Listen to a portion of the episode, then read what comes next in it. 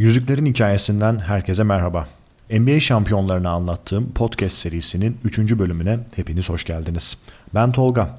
Bu bölümde sizlere 2003 şampiyonu San Antonio Spurs'un hikayesini anlatacağım. Evet, hazırsak başlayalım. David has defined this franchise.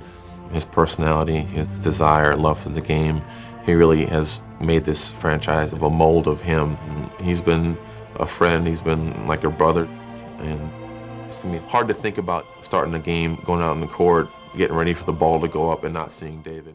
2002-2003 sezonunun San Antonio Spurs için farklı olacağı daha ilk günden belli olmuştu. 1989 yılından beri takımın formasını giyen, bu formayla 10 kez All-Star, 10 kez All-NBA, bir kez sayı kralı, bir kez MVP ve bir kez de NBA şampiyonu olmayı başaran kulübün efsane ismi Amiral David Robinson sezon başında yaptığı açıklamada bu sezonun onun son sezonu olacağını açıklamıştı. Artık 37 yaşına gelen Amiral o yıl bitecek kontratıyla birlikte basketbol kariyerine nokta koyacaktı. Burada Robinson'ın emekliliğini açıkladığı basın toplantısından birkaç anekdot vermek istiyorum. E, Amiral Robinson toplantıda kendisine sorulan bu kararı neden sezon başında açıklıyorsun sorusuna şu şekilde yanıt vermişti. Açıklamayı şimdi yapıyorum çünkü Spurs'un geleceğe yönelik hamlelerini şimdiden yapma şansı olsun istiyorum. Kulüp son yıllarda çok iyi oyuncular buldu ve artık gerçekten geleceği düşünmeye başlayabilirler. Toplantıda gelen bir diğer soru da Robinson'ın bu sezon baskı hissedip hissetmeyeceği yönündeydi. Amiral bu soruya da kariyerimin en heyecan veren yıllarından biri olacak. Her maçın tadını çıkarmaya bakacağım. Takım arkadaşlarımla olabildiğince çok vakit geçirmek ve onlara katkıda bulunmak istiyorum diye cevap vermişti. Toplantıdan bu kısa notları paylaşmak istedim. Çünkü Spurs'daki aile ve arkadaşlık ortamı genelde Big Three ekseninde biliniyor ve konuşuluyor. Ama bu ortamın temelinde David Robinson'ın da büyük bir payı olduğunu söylememiz gerekir. Zaten bu açıklamalardan da anlaşılacağı üzere Amiral ilk günden son güne kadar hep takımıyla tek parça olmuş, müthiş bir oyuncu olmasının yanı sıra her zaman örnek de bir karakter olmayı başarmıştı.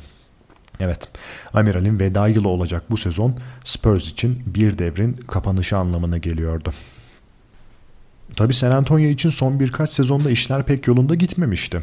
1999'daki şampiyonluğun ardından 2000 yılında Tim Duncan'ın sakatlığı ile playofflara ilk turda veda eden takım 2001 ve 2002 yıllarında Lakers'ın bileğini bükmeyi başaramamıştı. 25.5 sayı, 12.7 rebound, 3.7 asist ve 2.5 blok ortalamaları ile 2002 NBA MVP'si seçilen Tim Duncan'ın önderliğindeki takım yeni sezona artık ayağa kalkma parolasıyla giriyordu.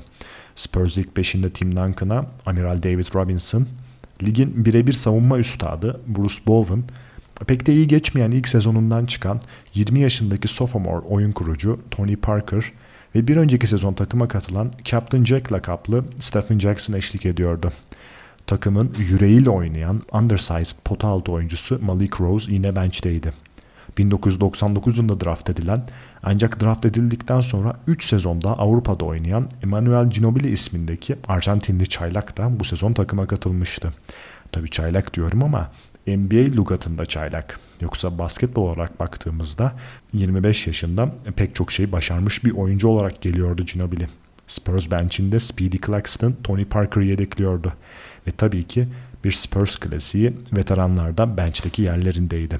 33 yaşındaki Steve Smith, bir sezon Portland'da oynadıktan sonra takıma geri dönen 37 yaşındaki Steve Kerr, 36'lık Danny Ferry ve o sezon takıma katılan 40 yaşındaki Kevin Willis, San Antonio Spurs'un geçiş yılı diyebileceğimiz bu sezonda takıma abilik etmek için oradaydı.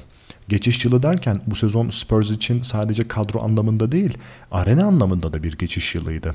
Takım uzun süredir maçlarını oynadığı Alamo Dome'dan SBC Center'a geçiyordu.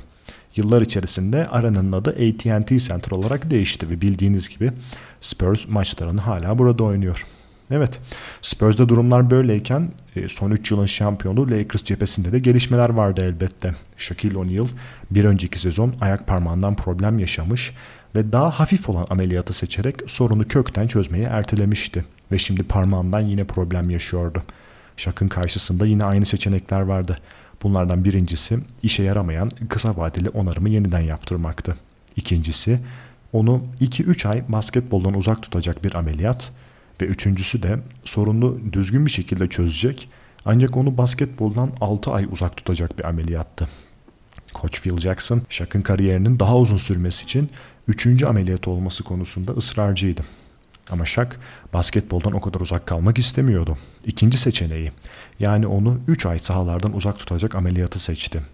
Fakat seçimiyle alakalı şöyle bir problem vardı. Shaq ameliyat olmak için yazın sonunu beklemişti ve bu nedenle sezonun ilk 12 maçını kaçırmak zorundaydı. Ona ameliyatı neden bu kadar ertelediği sorulduğunda da mesai saatinde sakatlandım, mesai saatinde iyileşeceğim cevabını vermişti. Sonraları en iyi cerrahı bulmak için beklediğini söylese de yaptığı ilk açıklama gerek Phil Jackson, gerek takım sahipleri, gerekse rekabetçi takım arkadaşı Kobe Bryant tarafından tepkiyle karşılanmıştı. Zaten 2002-2003 sezonu da Shaq-Kobe ilişkisinin idare edilebildiği son sezon olacaktı. Yine de bu durumun Kobe açısından avantaj olarak nitelendirebilecek bir yönü de vardı. Phil Jackson geldiği günden bu yana hücumunu Shaq üzerine kurguluyordu. Ama şimdi onun yokluğunda dümeni artık Kobe'ye emanet etmek durumundaydı. Evet gelelim normal sezona. Normal sezona ilk 9 maçta 5 galibiyet ile giren Spurs genç oyuncuların adaptasyonu ile alakalı ufak problemler yaşıyordu. Ama kısa süre içerisinde sistemi oturtmayı başardılar ve yükselişe geçtiler. Veteranların yenilere desteği ve tabii ki o esnada dünyanın zirvesinde olan Tim Duncan eforu sayesinde normal sezonun son 38 maçının 32'sini kazandılar. Sezon tamamlandığında Batı Konferansı'nın ve NBA'in zirvesine 60 galibiyet, 22 mağlubiyetle adlarını yazdırmışlardı. Bu derece aynı zamanda koç Greg Popovich'e e, kariyerinin ilk yılın koçu ödülünü getiriyordu. Spurs'a gelen tek ödül bu değildi. Sezonu birinci bitiren takıma 23.3 sayı, 12.9 rebound, 3.9 asist ve 2.9 blok ortalamaları ile liderlik eden The Big Fundamental, Tim Duncan üst düzde ikinci sezon MVP ödülüne layık görülmüştü. Spurs'e zirvede eşlik eden bir takım da vardı. Dallas Mavericks de aynı dereceyle yani 60-22'lik dereceyle sezonu Spurs'le birlikte Batı Konferansı'nın tepesini tamamlamıştı ama onlar ikinci sıradan girecekti playoff'a. Bir önceki sezonun yaralı kaybedeni Sacramento Kings de 59 galibiyetle hemen bu ikilinin arkasındaydı. Son 3 sezonun şampiyonu Los Angeles Lakers ise şak olmadan başladığı sezona 11-19'luk felaket bir dereceyle girmişti. Kobe Bryant artık dümene geçtiği takımda 9 maç üst üste 40 ve üstü sayı atmak gibi etkileyici işler yapmaya başlamıştı. Tabi birinci adam olduğu dönemde 47 şutta 41 sayı gibi verimsiz skor performansları da olmuştu. Ama genel itibarıyla 30 sayı ortalamayla iyi bir sezon geçirmişti. Kobe oyununu ilham aldığı Michael Jordan'ın Staples Center'daki son maçında 55 sayı atarak tarihe güzel de bir not düşmeyi başarmıştı. Lakers, Kobe'nin performansına ek olarak Shaq'ın dönmesi ve form tutması ile birlikte durumu toparladı ve sezonu 50 galibiyetle tamamladılar.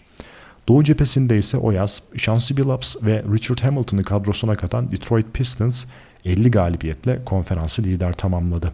Onları 49 galibiyetle bir önceki sezonun finalisti New Jersey Nets takip ediyordu. O sezon ligin sayı kralı Orlando'nun yıldızı Tracy McGrady oldu. NBA'in en iyi beşinde ise Tim Duncan, Shaquille O'Neal, Kobe Bryant, Kevin Garnett ve T-Mac birlikte yer aldılar. Artık playoffların başlama zamanıydı. Tips it. Stoudemire, uh, Marbury has it. Here's Marbury on the drive. Hanson. Oh!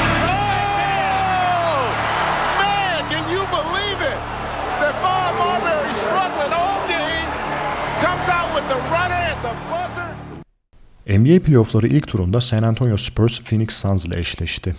Bu seri klasik bir 1-8 eşleşmesinden biraz farklıydı. Çünkü San Antonio Spurs normal sezonda Phoenix'le oynadığı 4 maçın 3'ünü kaybetmişti. Kazandığı tek maçı da uzatmada kazanmayı başarmıştı. Yani NBA birincisini aslında kolay lokma olmayacak bir rakip bekliyordu ilk turda. İlk maç bu hipotezi destekler nitelikte oldu. Phoenix Suns uzatmaya giden maçı Stefan Marbury'nin tüm sahayı geçip attığı 3 sayılık son saniye basketiyle kazandı ve seride durumu 1-0'a getirdi. Kendi evinde ilk maçı veren Spurs için playoff hiç iyi başlamamıştı. İkinci maç hayati önemdeydi. Ama Spurs bir sürpriz olmasına izin vermedi ve ikinci maçı 84-76 kazandı. Sonrasında ise seriyi 4-2 kazanmasını bildiler. Spurs'un baş antrenörü Greg Popovich seriyi kazandıkları 6. maçın ardından çok mutluyuz. Çünkü onlarla bir kere daha karşılaşmak zorunda değiliz açıklamasını yapmıştı. Bu demeç oynanan ilk turu özetler nitelikteydi. Spurs önemli bir virajı dönmüştü. Batı Konferansı'nın diğer ilk tur eşleşmelerinde Sacramento Kings ilk turda Utah Jazz'i eleyerek 18 yıllık Carmelo John Stockton döneminde nokta koymuştu. Dallas, Portland'ı 7 maçta geçmişti. 5'ten giren Lakers ise 4'ten giren Kevin Garnett'li Minnesota'yı evine yollamıştı. Ve bu seri sonucunda Batı Konferansı'nın konferans yarı finalinde müthiş bir eşleşme oluştu. Artık o dönem için bir klasik diyebileceğimiz San Antonio Spurs ve Los Angeles Lakers karşılaşacaktı. Lakers'ın son iki sezonda Spurs'u elemiş olması seriye ayrı bir anlam katıyordu tabii ki. Spurs'un tecrübeli oyuncusu Malik Rose o seri için onlarla oynamayı dört gözle bekliyordum. Çünkü sözde dynasty'lerini bitiren takımın bir parçası olmak istiyordum demişti. Tüm dünyanın gözü o serideydi. Lakers eğer şampiyonluk serisine devam etmek istiyorsa ligin en iyisini Tim Duncan'ı mağlup etmek zorundaydı. Evet en iyisi diyorum çünkü Tim Duncan normal sezonun en değerli oyuncusu ödülünü bir kez daha kazanmıştı. Bir tarafta son 3 yılın şampiyonu, diğer tarafta son 2 yılın MVP'si. Seri her şeyiyle muhteşem bir hikaye barındırıyordu. Play the game with an elegance and a grace that is a joy to behold. Congratulations, Tim Duncan, 2002-2003 NBA Most Valuable Player. SBC Center'da oynanan ilk maç alışıldık Kobe Shaq ortaklığına sahne olmuştu. 38 şutta 37 sayı atan Kobe'ye Shaq 24 sayı 21 rebound ile eşlik etmişti. Ancak bu kez scoreboard Spurs tarafını gösteriyordu. Evet, Spurs, Tim Duncan'ın 28-8-7'lik performansı ile 87-82 kazanan taraf olmuştu. Artık burada işler farklıydı. İkinci maçta sahne bu kez Spurs'un rol oyuncularınındı. Rakibi yıldıran savunmasının yanı sıra köşe üçlükleri konusunda da ligin belki de en iyisi olan Bruce Bowen'ın sahne alma sırası gelmişti. O maçta denediği 8 üçlük atışının 7'sini isabete çeviren Bowen, Lakers'a şoku yaşatan isim oldu. Spurs, son çeyreğine 27 sayı farklı önde girdiği maçta maçı 114-95 kazandı ve Los Angeles'a gitmeden önce seride durumu 2-0'a getirdi. Spurs için artık yapılacak şey çok basitti. Los Angeles'ta bir maç çalmak ve San Antonio'da işi bitirmek. Fakat Lakers bu senaryonun gerçekleşmesine izin vermeyecekti. Neden son 3 sezonda şampiyon olduklarını hatırlatırcasına bir maç oynadılar ve Kobe Bryant'ın 39 sayısı önderliğinde durumu 2-1'e getirdiler. Dördüncü maçta San Antonio onları uçurumun eşiğine getirdi.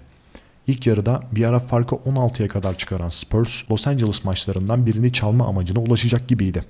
Ancak Kobe Shaq ikilisi buna izin vermedi. Tim Duncan'ın 36 sayısı yeterli olmadı ve Lakers maçı oradan çevirip seride durumu 2-2'ye getirdi. Rüzgar artık Lakers'ın arkasındaydı. Baskıyı hisseden taraf San Antonio'ydu. Spurs, SBC Center'da oynanan 5. maçta taraftarının da desteğiyle son çeyreğe 80-64 önde girmeyi başardı. Ancak Kobe Bryant'ın ve Lakers'ın teslim olmaya niyeti yoktu. Son çeyrekte tekrardan maçın kontrolünü ellerine aldılar ve durumu bitime bir pozisyon kala 96-94'e getirmeyi başardılar. Spurs tıpkı bir önceki maçta olduğu gibi 16 sayılık farkın erişine şahit olmuştu ve bu kez 2 sayı farkla önde girdikleri son pozisyonda top Lakers'taydı. Lakers son pozisyonda süper yıldızlarını değil, clutch şutların usta ismi Robert Horry'i tercih etmişti. Kobe'nin pasında Horry üçlük atacağı pozisyonu yakaladı ve topu potoya gönderdi. O esnada SBC Center'da herkes ellerini başının iki yanına götürmüştü. Bunu görebilirdiniz. Çünkü Horry daha önce defalarca kez maç kazandırmıştı ve top çembere doğru gidiyordu. Bu kez olmadı. Çemberin iki yanına çarpan top dışarı çıktı ve Spurs maçı kazandı. Kalpler yerinden fırlamıştı. Herkes buz gibiydi ama maç kazanılmıştı. Durum şimdi 3-2 idi. 6. maç ise Los Angeles'ta oynanacaktı. Son 3 sezonun şampiyonu elenmenin eşiğindeydi. Kendi evlerinde oynadıkları maç hayatta kalmak için son fırsatlarıydı. Ama bu maçta sahne son 2 yılın MVP'sinin olacaktı. Tim Duncan'ın işi San Antonio'ya bırakmaya hiç niyeti yoktu. Spurs daha iyi takım olduğuna inanan taraftı ve liderlerinin 37 sayı 16 reboundluk performansı ile Lakers'ı kendi evinde 110-82 mağlup etmeyi başardılar. Los Angeles Lakers rüyası bitmişti. Phil Jackson'ın başı öne eğilmişti. Diğer tarafta Greg Popovich'in yüzü gülüyordu. Kobe Bryant gözlerinden öfke saçıyordu. David Robinson neşeyle takım arkadaşlarına sarılıyordu. Derek Fisher scoreboard'a bakarken gözyaşları içerisindeydi. Malik Rose ise sevinçten zıplamakla meşguldü. Artık bitmişti. Spurs bu işi bitirmişti. Derek Fisher and the rest of the Lakers knows that it's over. The San Antonio Spurs are headed to the Western Conference Finals, and the Lakers' run at the top of the NBA is over. This is going to go down as the greatest victory in the history of the Spurs organization. Batı Konferansı finallerinde Spurs'un rakibi Dallas Mavericks'ti. Normal sezonu Spurs ile birlikte 60 galibiyetle ligin zirvesinde bitiren Mavs, konferans yarı finalinde kıran kırana geçen bir seride Sacramento'yu 7 maçta eleyip buraya gelmişti. Hem ilk tur hem de ikinci tur serileri 7. maça uzamıştı. Ve Mavs iki savaştan da galip çıkmayı başarmıştı. Dallas'ta takımı taşıyan Dirk Nowitzki, Steve Nash, Michael Finley üçlüsüne yedekten gelen Nick Van Exel eşlik ediyordu. Well, good evening, everybody, and welcome to the Texas Shootout. San Antonio and Dallas meeting for the Western Conference title for the first time. SBC Center'da oynanan ilk maç Spurs'e playoff boyunca yaşadıkları problemi bir kez daha hatırlatan cinstendi. Takım yine önde olduğu maçta farkı koruyamıyordu. Tim Duncan'ın 40 sayı 15 rebound 7 asistlik performansına karşılık Dallas cephesinde Dirk Finley Nash üçlüsü 38, 26 ve 22 sayıyla oynadı ve Dallas son çeyreğine 8 sayı geride girdiği maçı deplasmanda 113-110 kazanmasını bildi. Tıpkı ilk turdaki gibi Spurs serinin ilk maçını vermişti ve ikinci maç bu nedenle hayati önem kazanmıştı. Spurs tıpkı Suns serisinde olduğu gibi burada da rakibin ikinci maçı almasına izin vermedi. Bench'ten gelerek 25 sayıyla yıldızlaşan Malik Rose bu maçın kahramanı oldu ve Spurs Dallas'a giderken seride durumu 1-1'e getirdi. Dallas'taki ilk maçta sahne bu kez genç Tony Parker'ındı. Tim Duncan'ın 34 sayı 24 rebound 6 asist 6 blokluk performansına Tony Parker da 29 sayıyla destek verdi. Kazanan Spurs'du. Ayrıca bu maçın ardından serinin gidişatı için çok çok önemli bir durumda ortaya çıkmıştı. Dallas'ın yıldızı Dirk Nowitzki dizinden yaşadığı sakatlık nedeniyle serinin kalanında forma giyemeyecekti. Bu gelişmenin üzerine Nick Van Exel Dirk'ün yerine ilk 5'e geçti ve Dallas kaldığı yerden mücadelesine devam etti. Dördüncü maçı Spurs, beşinci maçı Dallas aldı ve 3-2 Spurs üstünlüğü ile Dallas'taki altıncı maça gidildi. Beşinci maçı San Antonio'da kazanan Dallas, altıncı maçta kendi evinde de etkili olan tarafta. Üçüncü çeyrekte tam 15 sayı öne geçmeyi başardılar. Spurs'un bir farklılığa ihtiyacı bulunuyordu. Serinin 7. maça gitmemesi için bir çare üretmeleri lazımdı. Ve o esnada devreye Koç Pop girdi. Greg Popovich'in aklına playofflarda neredeyse hiç kullanmadığı bir oyuncusu geldi. 37 yaşındaki Steve Kerr. Evet playoff'un neredeyse tamamını kenarda oturarak geçiren Steve Kerr 3. çeyrekte oyuna dahil oluyordu. O esnada fark 15'ti ve Dallas dolu dizgin bir maç çıkarıyordu. Ama Popovich'in planı işe yarayacaktı. We had to find somebody to knock down a shot, so it just seemed logical to give him a chance to do it. And now here is Steve Kerr. I had nothing to lose at that point. I haven't played the entire playoffs. Nobody's going to expect anything out of me. Kerr oyuna girdikten sonra Captain Jack'e bir üçlük asisti yaptı ve peşine hemen kendisi de bir tane üçlük soktu. Kerr fırtınası asıl son çeyrekte başlayacaktı. Kerr bitime 7 dakika kala bir üçlük isabeti daha buldu ve maçı dengeye getirdi. Bundan bir dakika sonra bir tane daha attı ve ondan bir dakika sonra bir tane daha attı. Spurs artık 8 sayı öndeydi. Bu sefer farktan dönen San Antonio'ydu ve bunu belki de en beklenmedik oyuncuların önderliğinde başarmışlardı. Steve Kerr sadece 13 dakika sahada kaldığı maçı 4'te 4 3 sayı isabetiyle 12 sayı ve 3 asistle tamamladı. David Robinson, Kerr'ün o günkü performansının ardından takım arkadaşını buz adam olarak tanımlayacaktı. Buz adam maçı almıştı. San Antonio Spurs artık NBA finalindeydi.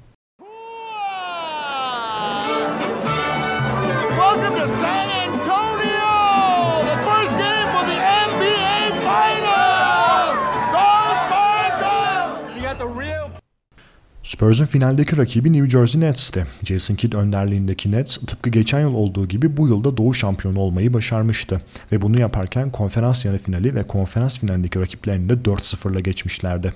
Doğu finalindeki süpürdükleri takım normal sezonu konferansta birinci tamamlayan Detroit'ti. Nets bir önceki sezon Lakers'a feci paspas olmuştu ama bu yıl farklı olsun istiyorlardı. Ve gerçekten de biraz daha diş geçiren bir Nets olacaktı finallerde. San Antonio'da oynanan ilk maç Tim Duncan'ın 32 sayı, 20 rebound, 6 asist, 7 blokluk performansıyla 101-89 Spurs'e gitti. Spurs'un ilk maçta attığı 101 sayı seri boyunca takımlardan herhangi birinin 100 sayı geçtiği tek an olacaktı. İki takım da iyi savunma yapıyordu. Steve Kerr Nets'i Spurs'un playoff'ta karşılaştığı en iyi savunma takımı olarak tanımlıyordu. Spurs'un da onlardan geri kalır yanı yoktu ve bu durum seriye düşük skorlu maçlar olarak yansıyacaktı. İkinci maçta ise Nets Spurs'e bir sürpriz hazırlamıştı. Jason Kidd'in 30 sayısı önderliğinde maçı 2 sayı farklı çalmayı başardılar. Captain Jack son saniyede Spurs'u maçı kazandırma fırsatı bulsa da bu atıştan yararlanamadı. O yıl finaller 2-3-2 formatında oynanıyordu. Yani önce ev sahibi takım 2 maç oynuyor, sonra diğer takımın sahasında 3 maç oynanıyordu. Yani sıradaki 3 maç New Jersey'de oynanacaktı. Avantaj artık Nets'in eline geçmişti. New Jersey'de oynanan 3. maçta Tim Duncan Tony Parker işbirliğiyle saha avantajını Spurs rakibinden geri aldı. Sonrasında kıran kırana geçen 4. maç Nets'e gitti ve durum 2-2 oldu. 5. maç yine oldukça yakın gidiyordu ve Spurs ekstra katkı için yine o isme başvuracaktı.